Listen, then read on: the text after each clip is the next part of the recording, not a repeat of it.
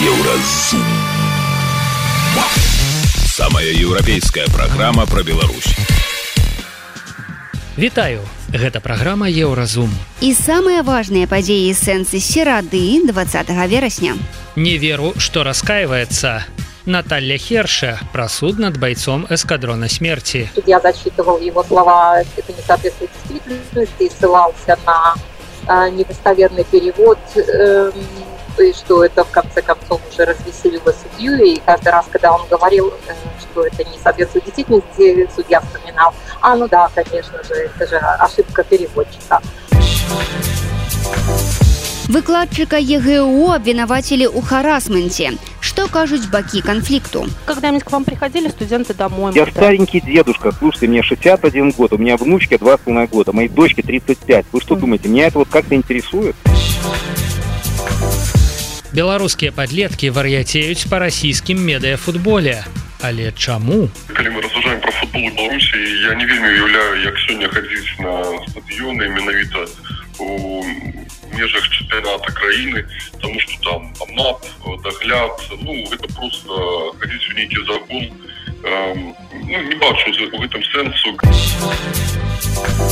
Пра гэта ды іншае больш падрабязна цягам бліжэйшай гадзіны. Еўразум. Беларусь у еўрапейскім фокусе. У Швейцарыі скончыўся працэс над байцом эскадрона смерці Юрыем Гараўскім. Ён выступіў з апошнім словам і заклікаў суд моцна яго не караць, бо ў такім выпадку нібыта ніхто больш не распавядзе пра злачынствы беларускай улады. Чатыры гады таму у размове з журналістамі былы собравец прызнаўся ў датычнасці да злачынстваў 25гадовай даўніны. На вачах гараўскага былі выкрадзеныя і забітыя, міністр унутраных справаў Юрый Захаранка, былы старшыня цэнтр выбаркама Віктор Ганчар і бізнесовец Анатоль Красоўскі. У 2021 праз намаганні праваабаронцаў на гараўскага была заведзеная крымінальная справа у межах універсальнай юрысдыкцыі. Падчас суда абвінавачаны папрасіў прабачэння ў сваякоў забітых, аднак зрабіў гэта па паперцы, нягледзячы ім у вочы. Вырак гараўскаму будзе вынесены на наступным тыдні і ў пісьмовай форме. Яму пагражае год турмы і два гады умоўна. Працэс шырока асвятляўся ў прэсе, бо гэта першае падобнае судовае разбіральніцтва як у гісторыі Беларусі, так і Швейцарыі. Вось як справу беларускага сілавіка выданню Дойчевеле каментуюць Леа Філіп Менцель, супрацоўнік пракуратуры горада Санкт-Гален і праваабаронца Бенуа Мейстре. Особую сложность вызвала проверка признательных показаний. На основе высказываний обвиняемого были найдены уже имеющиеся материалы и произведена сверка. Были опрошены свидетели и сделан вывод, что собранного материала достаточно для вынесения обвинения. Убийство не включено в состав преступления, поскольку отсутствует территориальная привязка. Для этого убийства должно было произойти в Швейцарии, за исключением геноцида или преступлений против человечности. В то время как насильственные исчезновения рассматриваются в международном контексте, и поэтому данная статья применима в этом случае.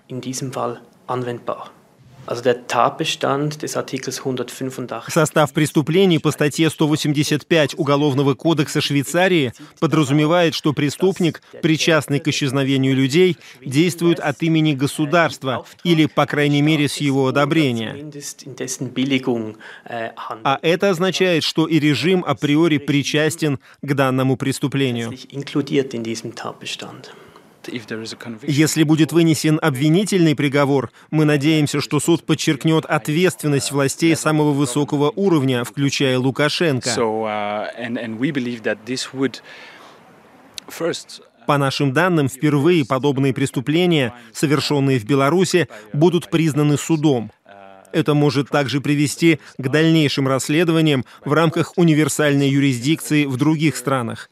Так что это действительно может стать знаковым моментом для расследования преступлений в Беларуси.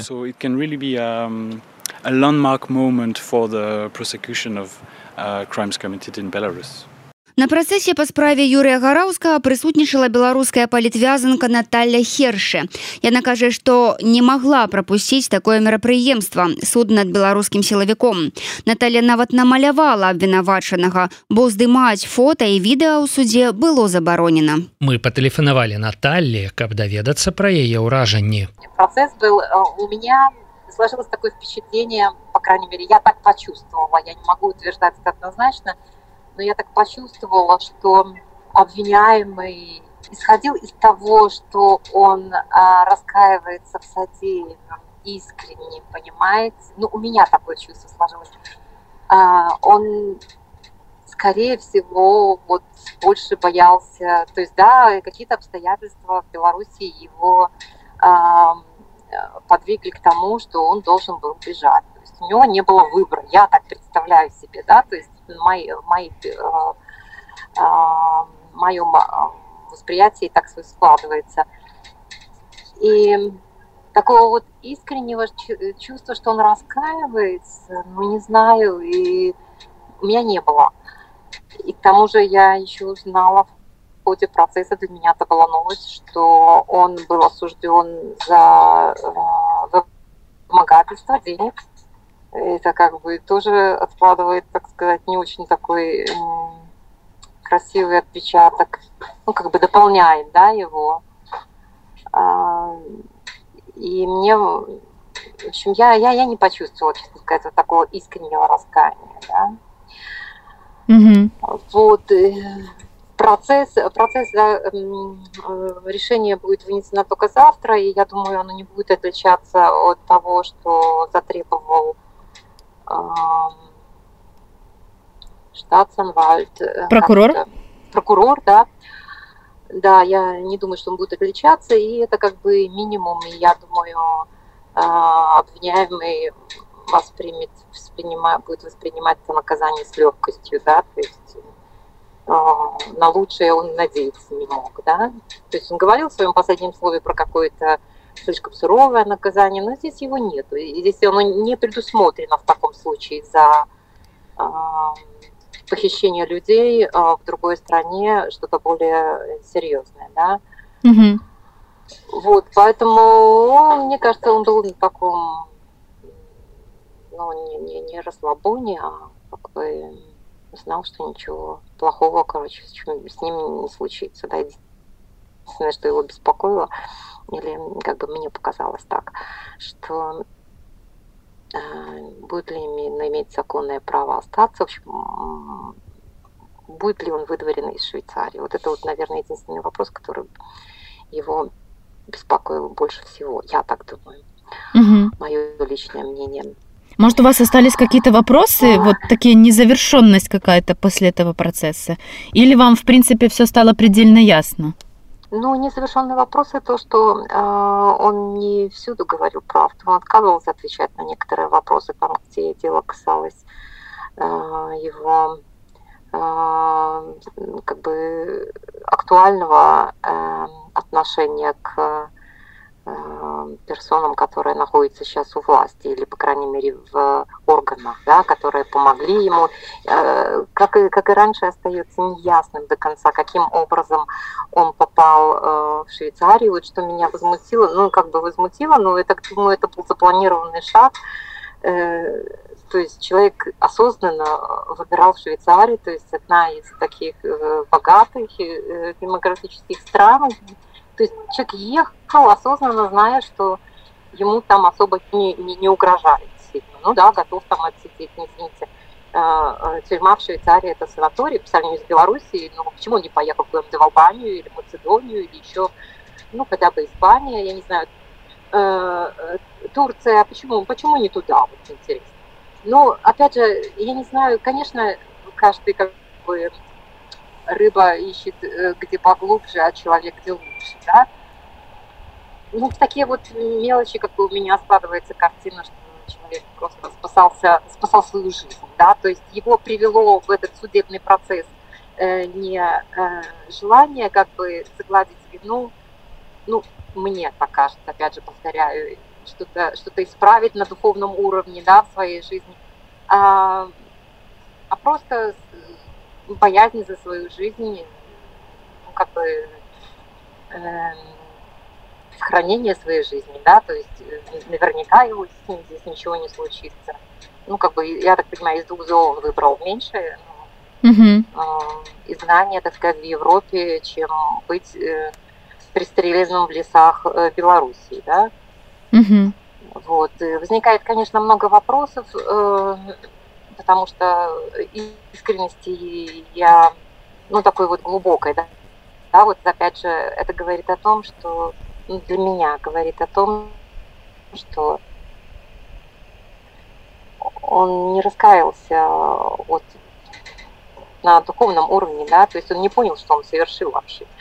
Он как бы оправдывает себя, что он не убивал, но это уже второстепенно, да, он принимал участие, и когда первый раз он, допустим, еще не знал, то второй и третий раз ему было понятно, а, как будет развиваться событие. Вот, и да, это мне все говорит, что человек еще не дошел до того момента, опять же, мне так кажется, с моей стороны, до того момента, чтобы принять э, наказание или как бы очистить себя духовно от этого греха, который он совершил. Працягнем размову з Натальей Херше. А у вас есть какое-то впечатление вообще об атмосфере в зале суда? То есть это как-то было спокойное э, такое вот э, заседание или напряженное очень? Да, абсолютно спокойное. Э, обвиняемый очень часто говорил, что э, данные, когда зачитывали его слова, судья зачитывал его слова, это не соответствует действительности, и ссылался на э, недостоверный перевод, э, и что это в конце концов уже развеселило судью, и каждый раз, когда он говорил, э, что это не соответствует действительности, судья вспоминал, а, ну да, конечно же, это же ошибка переводчика.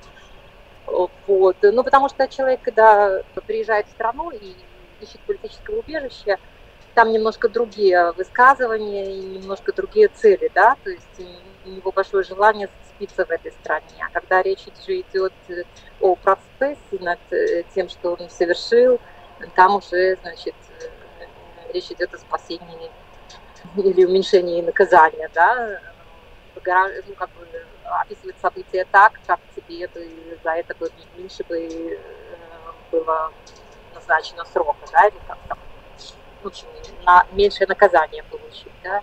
Когда выступал адвокат потерпевшего или э, потерпевших, да, э, э, дочерей э, погибших, э, меня очень, очень эмоционально, очень сильно тронуло тот момент, когда, когда он передал моральное состояние или как бы высказывание этих дочерей о том, что даже когда они покинули страну, да, они уже были в надежном месте, Германии. И у них э, были проблемы психического характера, да, то есть они еще не могли переработать э, то, что произошло, и они ходили с таким поникшим лицом.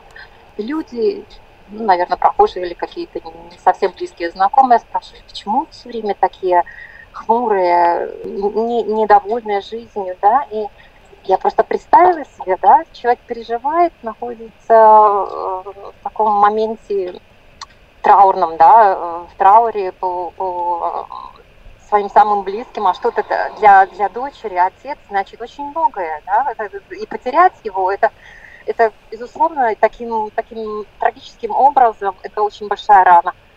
Тем более таким годы. способом. И вот люди, не зная этого, спрашивают, да, да, таким способом, тем более, да.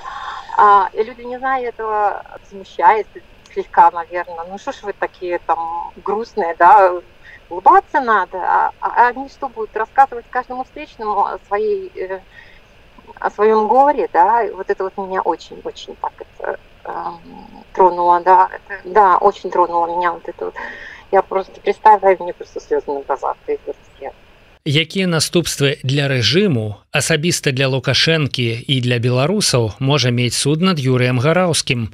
Вось што думае на гэты конт палітолог павел усаў. Калі мы вернемся до гэтай гісторыі то варта прыгадаць што ён мэтанакіравана з'ехаў у замежах попрасіў прытулку у швейцарыі але разам з гэтым распавёў дэталі функцыянавання вось гэтых забойцаў групы так званай паўлюченко які забіваў беларускіх палітыкаў і крыміналістаў. І фактычна сазнаўшыся у швейцарыі пачалося следства. То бок гэта незалежна ад таго што адбылося ў двадцатым годзе. І ці гэта стане нейкім прэцэдэнтам для таго каб супраць тых ці іншых людзей у беларусі адчыніліся справы но ну, я ведаю што былі спробы выкарыстаць так званую універсальную юрысдыкцыю у літве там у іншых краінах у польшчы але пакуль што я не ведаю ці вынікі по факце нейкія дасягнуты бо ўсё ж таки тут ёсць канкрэтная асоба якая прызналася ў злачынствах яна знаходзілася фізычна ў швейцарыі было адпаведна праведзена следства і фактычна на падставе гэтай гэтага распачалася распачалося судовае пасе паседжанні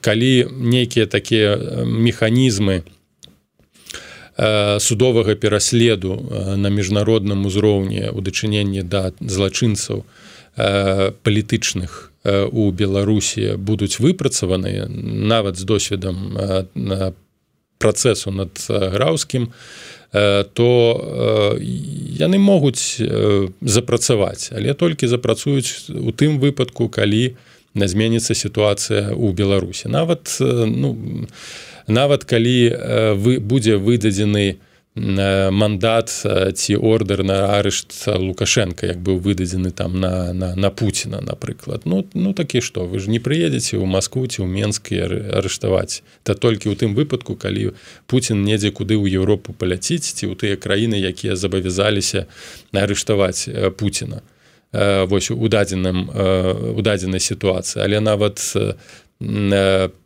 нават калі б гэта здарылася калі б ён паляцеў у Еўропу ну не я не ўяўляю як як гэты бы працэс выглядаў бы улічваючы што гэта фундаменталісцкая дзяржава там страчыць усіх ядзернымі ударамі. Тое ж самае з лукашенко тое ж самае з тымі хто здзяйсняў палітычнае злачынства і забойствы ў беларусі. Толькі пасля вызвалення беларусі пока пасля зменаў гэты механізм можа запрацаваць. Так ідэалагічна палітычна псіхалагічна гэта будзе мець сэнс як ну, паказчык як свядоцтва таго што міжнародная супольнасць сочыць за сітуацыю беларусі што вось яна прызнала лукашенко крымінальнікам. то Э, забойцам э, той хто адказны за злачынства ва ўкраіне там супраць украінскага народу там калі мы кажам пра вываз украінскіх дзяцей. Э, гэта будзе мець сімвалічна палітычна-псіхалагічнае значэнне. Але по факце суд над ім можа адбыцца толькі калі не будзе яго рэжыма як суд над мілошавічым так.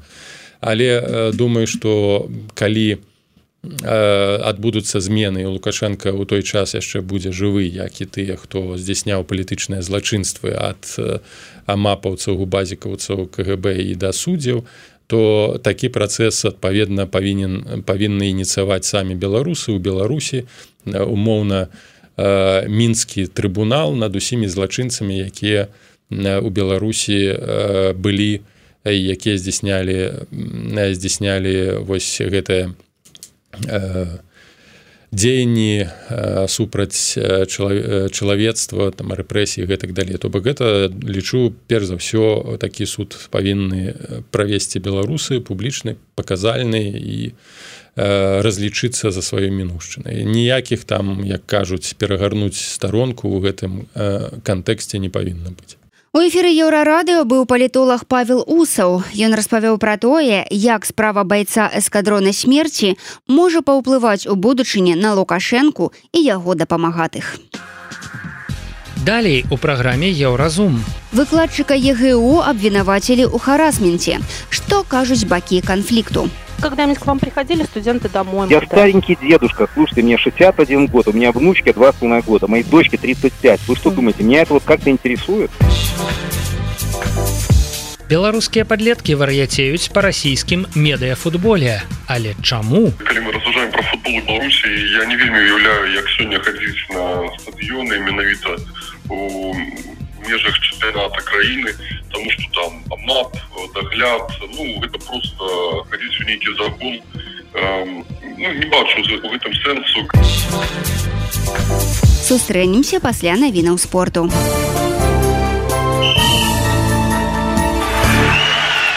на еўрарадыё навіны спорту Вікторыя Заранка выйшла ў одну восьмую фіналу турніру ў Гвадалахары. У сваім другім паядынку беларуская тэнісістка абыграла украінку Даяну Ястрэмскую 6476.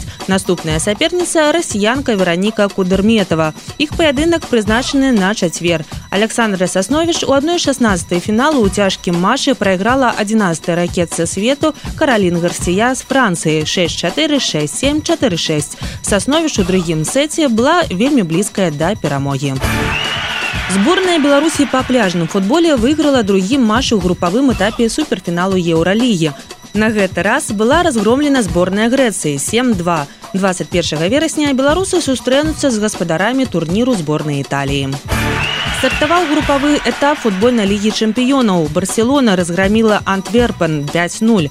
ПСЖ абыграў дорманскую барусію 2-0. Манчестер Сіці атрымаў валявую перамогу над цырвенай звездай 3-1. Беларуская баскетбалістка Кацярына Сныціна аб'явіла, што завершыць кар'еру па заканчэнні сезону ў 38 гадоў. Сныціна гуляла ў славутай беларускай зборнай, якая ў 2007 заваявала бронзу чэмпіянату Еўропы.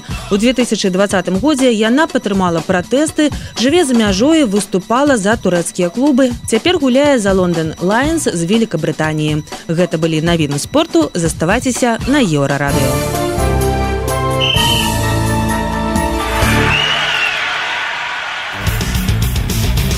Еўразум жыві ў рытме Еўропы. 19 верасня у віленскай культурнай прасторы Create Culture мусіла адкрыцца выстава беларускага мастака і выкладчыка ЕГУ Сергея сялецкага Але не адкрылася праз ананімныя абвінавачанні мастака ў харасменце. Навіна пра адмену, апублікаваная на старонцы Create Culture у Instagram выклікала буру розных рэакцый. Некаторыя радуюцца сітуацыі. Маўляў, нарэшце. І пасярод заняткаў мог сказаць, як яго дасталі феміністкі. І дамаганні гэта не ок, якім бы заслужаным не быў мастак. Іншыя сялецкага падтрымліваюць. Якая дурная сітуацыя закэнсіліць выдатнага мастака мастака і выкладчыка за нейкія чуткі. Піша спявачка руся і прапануе мастаку правесці выставу ў варшаве. Харасмент гэта паводзіны чалавека які чыніць нязручнасці ці нават шкоду іншаму чалавеку Напрыклад, жартуе пра знешнасць ці кажа кампліменты з сексуальным падтэкстам, праз якія чалавек адчувае дыскамфорт. Канешне, падобныя абвінавачванні гэта сур'ёзны удар па іміджы публічнай асобы. Таму еўрарадыё паспрабавала разабрацца ў гэтай заблытанай гісторыі і пагутарыла з усімі бакамі канфлікту. Падрабязнасці ў нашым рэпартажы. Пасля анонсу выставы мы атрымалі шмат каментароў з крытыкай на адрас правядзення гэтага мерапрыемства ў нашых сценах. Піша еўрарадыё дырэктар дырэктарка віленскай культурнай прасторы крэйт калча татяна штейнбук жанчына кажа што каманда прыняла рашэнне адмяніць выставу бо не мае паўнамоцтваў расследаваць выпадкі якія апісваюць незадаволеныя беларусы яна дадала што ў прасторы не кэнсаляць творчасць Сергея сялецкага і выносіць прысудаў на пытанні колькі прыйшло скаргаў і якога яны характару суразмоўніца не адказвае спасылаючыся на тое што ўсё тактоўна апісана ў адкрытых публікацыях і ўвогуле увогуле каманда мае права нічога не тлумачыць але ж что там усё ж таки здарылася некаторыя калегі мастака якія працавалі з ім даўно кажуць абвінавачванні на адрас сялецкага маюць месца кажуць што ў кожнай групе ён выбіраў сабе ахвяру для булінгу каб трымаць агульную дысцыпліну гэта не сексуальны харасмент а менавіта булінг пытанне канкрэтных выпадкаў далікатнае Цяжка адказаць каб не падставіць асобу якую сялецкі можа лёгка вылічыць экс-выкладчыца егу з якой мы таксама пагаварылі узгадвае што сялецкі заўсёды адгукаўся непаважліва пра студэнтак. А вось як рэагуе на тэму калега мастака які працуе з ім сёння. Чаму я нічога не ведаю пра такія жахі?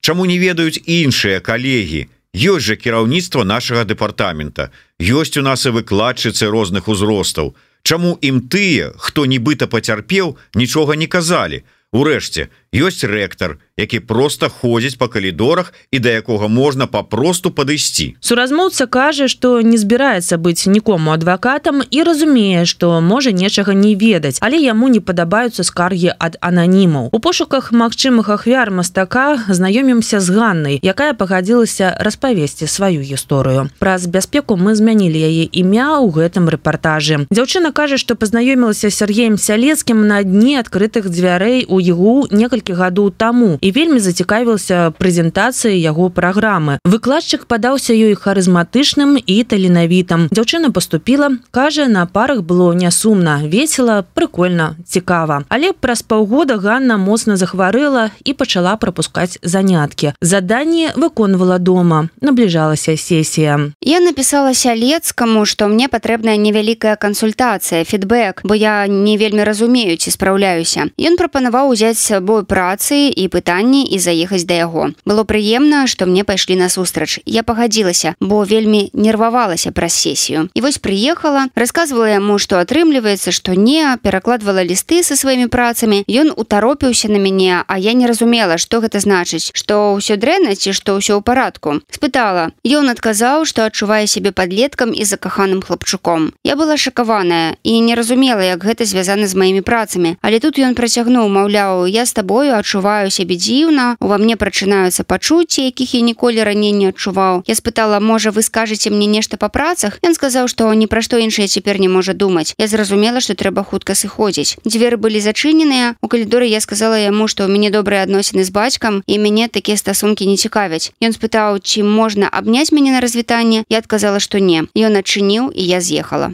Праз гады Ганна шкадуе, што ніхто з тых, хто быў побач, не падказаў тады, што на выкладчыка можна паскардзіцца. Але яна ўсё роўна не ўпэўненая, што гэта б дапамагло і не абярнулася б супраць яе. Бо цытата самае дурное ў гэтай гісторыі і ў гісторыі іншых дзяўчат, якія сутыкнуліся з харасментам, тое, што вельмі ў нямногіх людзей ёсць доказы. А што скажа сам Сергей Сялецкі. Тэлефануем мастаку.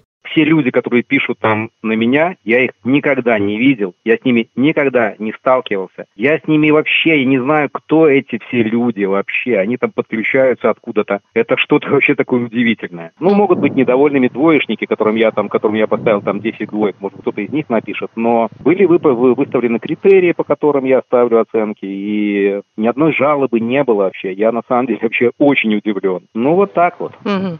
А были, например, какие-нибудь, ну, может быть, вы кому кому-нибудь, не знаю, комплимент какие-нибудь там говорили девочкам, может, они так восприняли, допустим, вашу. Вы с ума сошли вообще. У меня 80 студентов, у меня 5 групп. Я даю, ну, понимаете, спросите у студентов, вот, понимаете, если, ну, как бы, вот у них поспрашивайте. Мне студент, я никому не пишу, я ни на кого не обижаюсь. Мне это пространство креативное, там, это креативный, я не знаю, что это, я там ни разу не был, я никого там не видел, не знаю, этих людей не знаю, там, которые позаканчивали там э, ЕГУ, я их никогда с ними не встречался. Ну, вы понимаете, о чем я говорю? Когда-нибудь к вам приходили студенты домой, может, дома когда-нибудь у вас там, ну, что-то такое Ну, случалось? нет, конечно. Ну, что вы говорите вообще? Вообще никогда. Домой, домой? домой не приходили никогда студенты? Я да? старенький дедушка, слушайте, мне 61 год, у меня внучке 2,5 года, моей дочке 35. Вы что mm. думаете, меня это вот как-то интересует? Я, я вам ну, задаю вопросы, вот... вы же понимаете, что я, ну... Ну, я вам, я вам задаю встречный вопрос. Понимаете, я за эти дни вообще в афиге в полном, mm. то есть в полном афиге. Хорошо, что я там не заглядываю туда, там, где эти там накидывают это дерьмо, да, но вообще это удивительно. Там, когда людей спрашивают, у вас есть доказательства, они говорят, мы не следователи. Я еще раз вам повторю, я этих людей не знаю, я их никогда не видел. Угу. А как Опросите может сейчас студентов... доказать студентка, например, студентка мне рассказывает ситуацию, вот, допустим, про вас,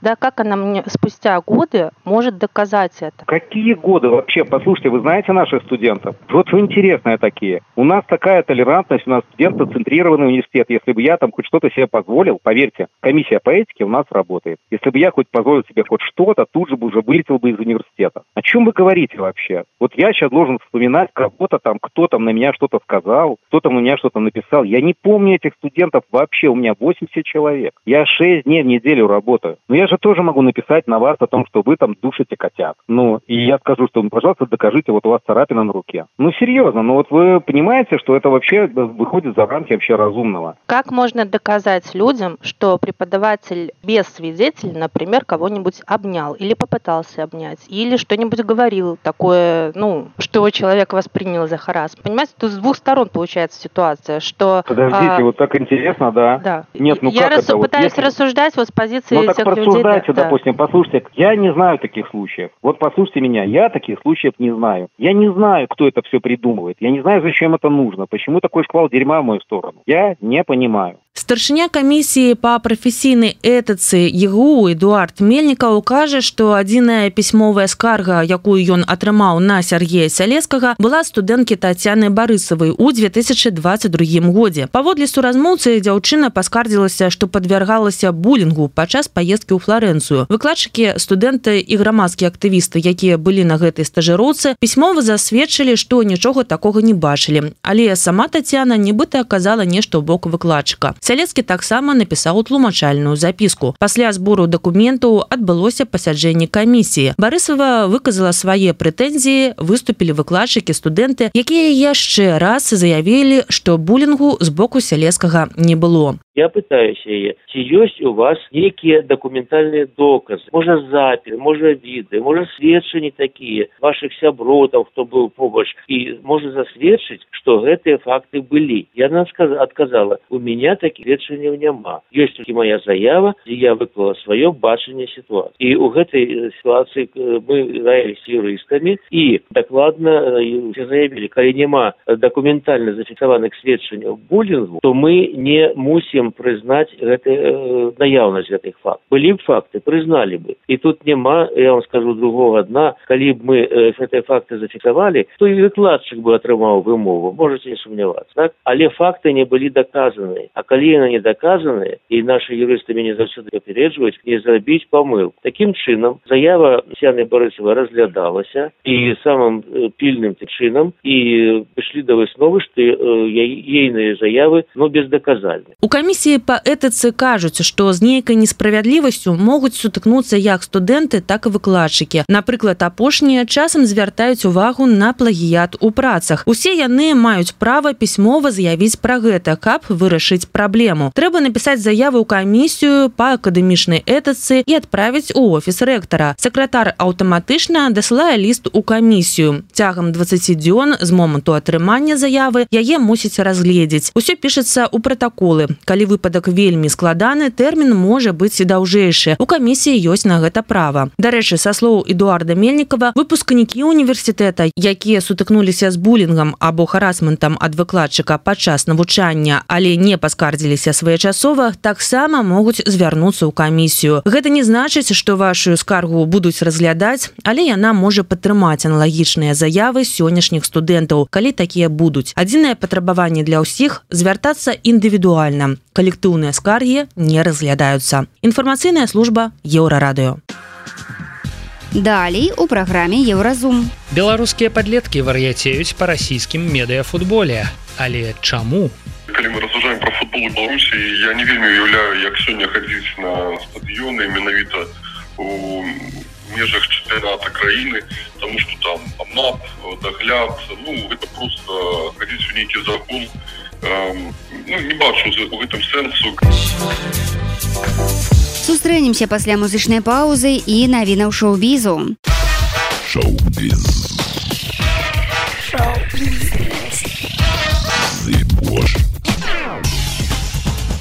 Вітаю гэта навіны шоу-бізу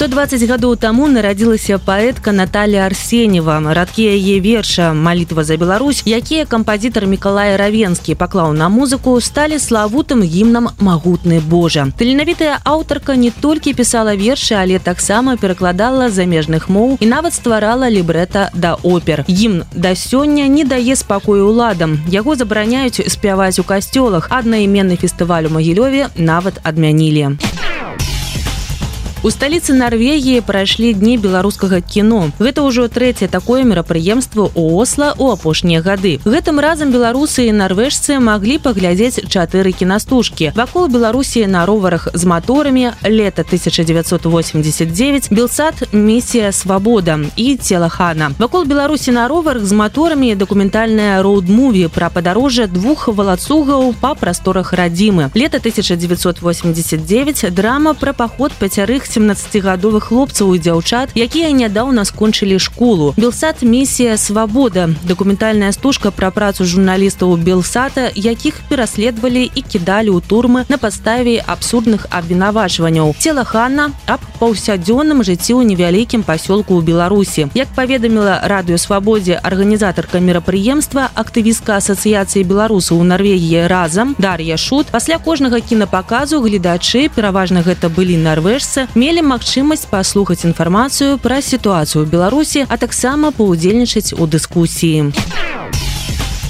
былы муж кэці перы знакаміты брытанскі комік і акцёр рассел бренд абвінавачваецца ў сексуальных злачынствах і жорсткім абыходжанні на падставе заяў чатырох жанчын па іх сцвярджэннях злачынныя дзеянні былі здзейснены ў перыяд з 2006 па 2013 год калі бренд знаходзіўся на піку славы вядома што адна з ахвяр была непоўнагадовай паводле матэрыялаў адна з жанчын подвергнулася згвалтаванню тры іншыя заявілі што комік здзейсніў у дачыненні да іх дзеянні сексуальнага характару. Таксама адна з магчымых пацярпелых абвінаваціла бренда ва ўжыванні фізічнага і эмацыйнага гвалту. Сам брытанец выступіў заявай пра тое што ўсе стасункі у якія ён ступаў былі па ўзаемнай згодзе. Выслухалі навіны шоу-бізу заставайцеся на еўрарадыё. Еўрарадыё кропка фм у На мінулым тыдні на барысаў арэне прайшоў футбольны матч расійскай медыйнай лігі з удзелам папулярных блогераў. Ён сабраў каля 12 тысяч гледачоў. Магчыма, падзея засталася б незаўважанай для шырокага чытача. Калі б на поле пасля гульні не выбеглі сотні падлеткаў, якія хацелі сфатаграфавацца са сваімі кумірамі.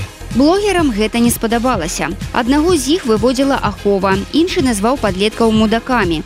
Ну а разганяць дзяцей прыехаў амап. Апынулася, што за дзень да гэтага на барысаў арэне гулялі беларускія блогеры. Хоць назіраць за гульнёй можна было бясплатна, за іх заўзелі ўсяго каля 500 чалавек. І тут пастае пытанне. Расійская медыяліга з яе інфраструктурай сотні YouTube каналаў, наколькі гэта бяспечна. Дзе гарантыя, што дзеці, якія сочаць за гульнёй блогераў у футбол, не пачнуць клеіць на дзённік літару Z. Чаму падлеткі аддаюць перавагу медыялізе, а не звычайнаму футболу? Запыталіся ў іх саміх і ў спецыялістаў. Давайте паслухаем. Беларускія падлеткі прыйшлі на барысаў арэну паглядзець, як расійскія блогеры гуляюць у футбол. Усе квіткі на матч двух расійскіх клубаў футбольнай медыялігі раскупілі за некалькі дзён да гульні. Нават дзеці беларускіх футбалістаў паехалі ў той дзень глядзець не на гульню бацькоў, а на расіян что адбываецца іллю імя мы змянілі 15 гадоў і на мінулым тыдні ён таксама ездзіў заўзець за сахалінец на барысаў арэну сахалінец гэта такі расійскі клуб з расійскай медыялігі ілля ўпершыню паехаў на матч з сябрамі а не з бацькамі білет каштаваў усяго 3 рублі Мы ўсе былі вельмі узбуджаны. Амаль усе з нас ведалі, што адбываецца на футбольных матчах толькі з фільмаў і было пачуццё прадчування нечага новага, нечага незвычайнага. Вельмі хацелася адчуць, што такое футбольная атмасфера. Прыемна адчуць, што ты не адзін, што за табой стаяць людзі. Чаму не беларускі футбол? Хацелася спярша з'ездзіць паглядзець, што гэта наогул такое футбол, а ўжо потым разабрацца ў беларускіх камандах і глядзець на больш прафесійную гульню бо расійская медыяліга гэта замежныя каманды і вакол іх няма ніякіх калафутбольных груповак. Ілля тлумачыць нам ён трохі пабойваецца што калі ўпершыню прыйдзе заўзець за дынамы з сябрамі у яго на трыбунах могуць спытаць ці добра ён ведае гісторыю каманды ці задаць пытанні кшталту гэтага. А тут можна прыйсці пазаўзець атрымаць асалоду і без наступстваў. Ніхто не будзе задаваць табе пытанне каманда за якую мы заўзелі прайгарала а але мы ўсё адно атрымалі шмат асалоды. Як выбралі за каго заўзяць? Калі шчыра мы яшчэ ў чарзе жартавалі на гэтую тэму. А потым аказалася што мы сядзім у сектары б. Да сахалінца адтуль было бліжэй. Вырашылі заўзець за сахалінец. Ілля гуляю ў футбол з сябрамі у тым ліку таму яму падабаецца глядзець на гульню непрафесійнай каманды параўноўваць гульню хлопцаў са сваёй уласнай. Калі б было нешта падобнае ў беларусі вядома я б глядзеў. Было б выдатна развіць нешта сваё роднае Да і большасць людзей упэўнены сачыла б за сваёй медыялігай заўсёды хочацца падтрымаць сваіх Некаторыя бацькі не до конца зразумелі, што прывяло іх дзяцей на барысу арэну. Мы попрасілі Ярослава пісарэнку, вядучага канала чеснок, растлумачыць ім, чаму падлеткам цікавей сачыць за расійскай медыялігай, чым за беларускім чэмпіянатам. Калі Ярославу было 14 гадоў, ён глядзеў англійскую прэм'ер-лігу. Але ў яго не было Ютуба. Інакш ён не адмаўляе месца англійскай прэм'ер-лігі цалкам магла б заняць расійская медыяліга. І ён лёгка можа зразумець, чаму беларускія падлеткі детки глядят яе, а не белорусский чемпионат. Большой, да, профессиональный футбол для ребенка может быть просто скучной игрой. То есть э, в медиалиге, если мы говорим конкретно о ней, там есть свои правила. То есть э, там это не совсем правила профессионального футбола. То есть профессиональный футбол сама по себе игра достаточно консервативная и скучная. То есть э, там правила не меняются там очень э, много лет, а если меняются нюансы, то это типа не супер интересно. То есть э, нужно покупаться, но, насколько я знаю, в медиалиге есть эти моменты с э, там какой-то там, не знаю, оранжевый мяч, который засчитывается за два. Ну, то есть добавляются элементы такой, э, такой типа аркады. То есть это не просто игра, но там есть какое-то э, какая-то еще подковырка. Uh-huh. А второй момент, э, он, мне кажется, проще и достаточно ну, понятнее, да, и прозаичнее, это то, что а, вот этот сегмент Ютуба, конкретно российский сегмент Ютуба, очень сильно влияет на а, белорусскую аудиторию. То есть, по большому счету, к сожалению, у нас а, весь контент, а, ну, там, белорусского Ютуба, это либо политика, либо, а, ну, за редким исключением, да, то есть какие-то там создаются каналы, но в целом э, каких-то таких развлекательных вещей. То есть здесь влияние просто личного Ютуба. Ребята э, следят за этими каналами, ну, то есть там, белорусы, да, э, смотрят, ну, это их э, большие кумиры. То есть если взять эти две э, истории с, ну, вот, как бы параллельно, то есть в Беларуси, условно, есть там белорусский чемпионат, э, да, который, ну, сейчас это совершенно низкие скорости, это совершенно не зрелищная игра. А, это первое. А второе, там абсолютно нет шоу. То есть это не а, какой-то там, не знаю, интересный продукт, за которым круто следить. То есть это очень местечковая история, эм, за, ну, за которой там мало кто, в общем, да, будет следить, кроме там какую-то группу людей, которые этим просто уже давно увлекаются. Галоўны рэдактор трыбуны Олег Гарунович не так лаяльна ставіцца да папулярнасці расійскай медыялігі. Калі мы спісаліся з ім, ён шчыра сказаў, што і сам пакуль яшчэ на тым этапе, калі намагаецца зразумець феномен гэтай медыялігі і яе папулярнасці. Праз сотні мы спыталі спадара Олега, ці атрымалася. Кажа не. Для яго гэтая з'ява цалкам невытлумачальная. Але чым можна замяніць расійскую медыялігу? Які футбол цяпер могуць паглядзець беларускія падлеткі ў беларусі. Гарунович прызнаецца ён не ўяўляе. Ды ўрэшце папросту не ўяўляе як увогуле сёння ў беларусі можна хадзіць на стадыёны. Увогуле калі мы разважаем про футбол беларусі я не вельмі уяўляю як сёння хадзіць на стадыёны менавіта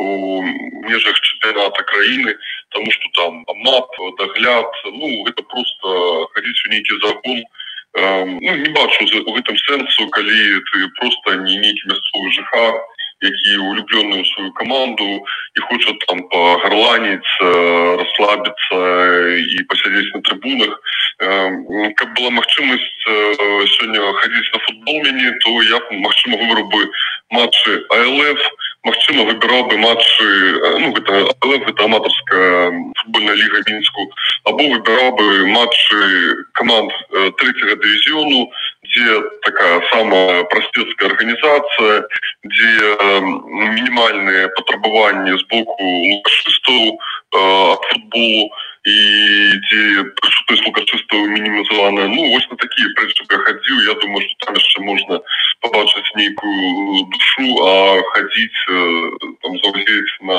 матчы под наглядам мапу ну мне здаецца гэта такое лёгкае вычварэнства ну і, і па-ранейшаму ёсць кумкачы чаму на іх не хадзіць я пусть дала бы перавагу менавіта або крумкачам або камандам з аматарскага фолу дзе няма ніякіх даглядаў можна прывесці пасядзець паглядзець футбол які дарэчы будзе не на горшым па якасці чым медыяліга расійская.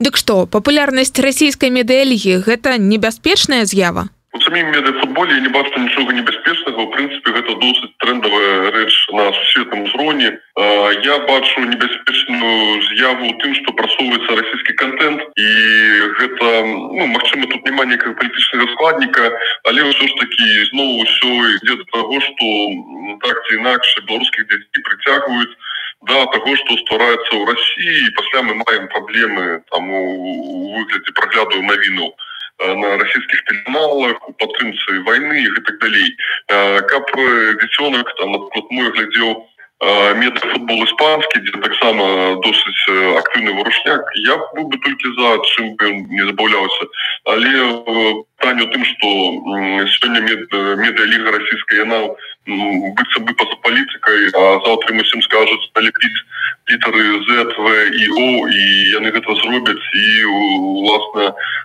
шмат дзяцей просто ну працягне гэта глядзець і спажываць і магчыма спачуваць расійскім блогерам які будуць стапіць за вайну вось у гэтым я бачу галоўную небяспеку так сама по сабе іде ну не надта і дрэнна я б нават сказал что добрая так ці інакш прыцягваць дзяцей моладзь да футболу ну гэта одна з форм падачы класічнага відовішча ну чаму не Але не варта недаацэньваць беларускіх падлеткаў Ілля ў размове з намі прызнаўся што хоць яму спадабалася атмасфера на барысу арэне калі там гулялі расіяне але наступны яго план пайсці і заўзець за дынама А зрэшты увогуле ён ўжо абраў сабе любімую каманду сярод беларусаў і ёй стануць крумкачы. Інфармацыйная служба еўрарадыё.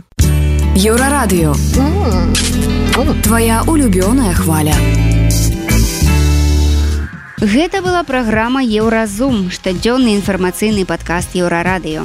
Кожны дзень мы распавядаем пра самыя галоўныя навіны Беларусі і свету. А сённяшні выпуск скончаны. Беражыце сябе. Пачуемся. Еўразум. Самая еўрапейская праграма пра Беларусь.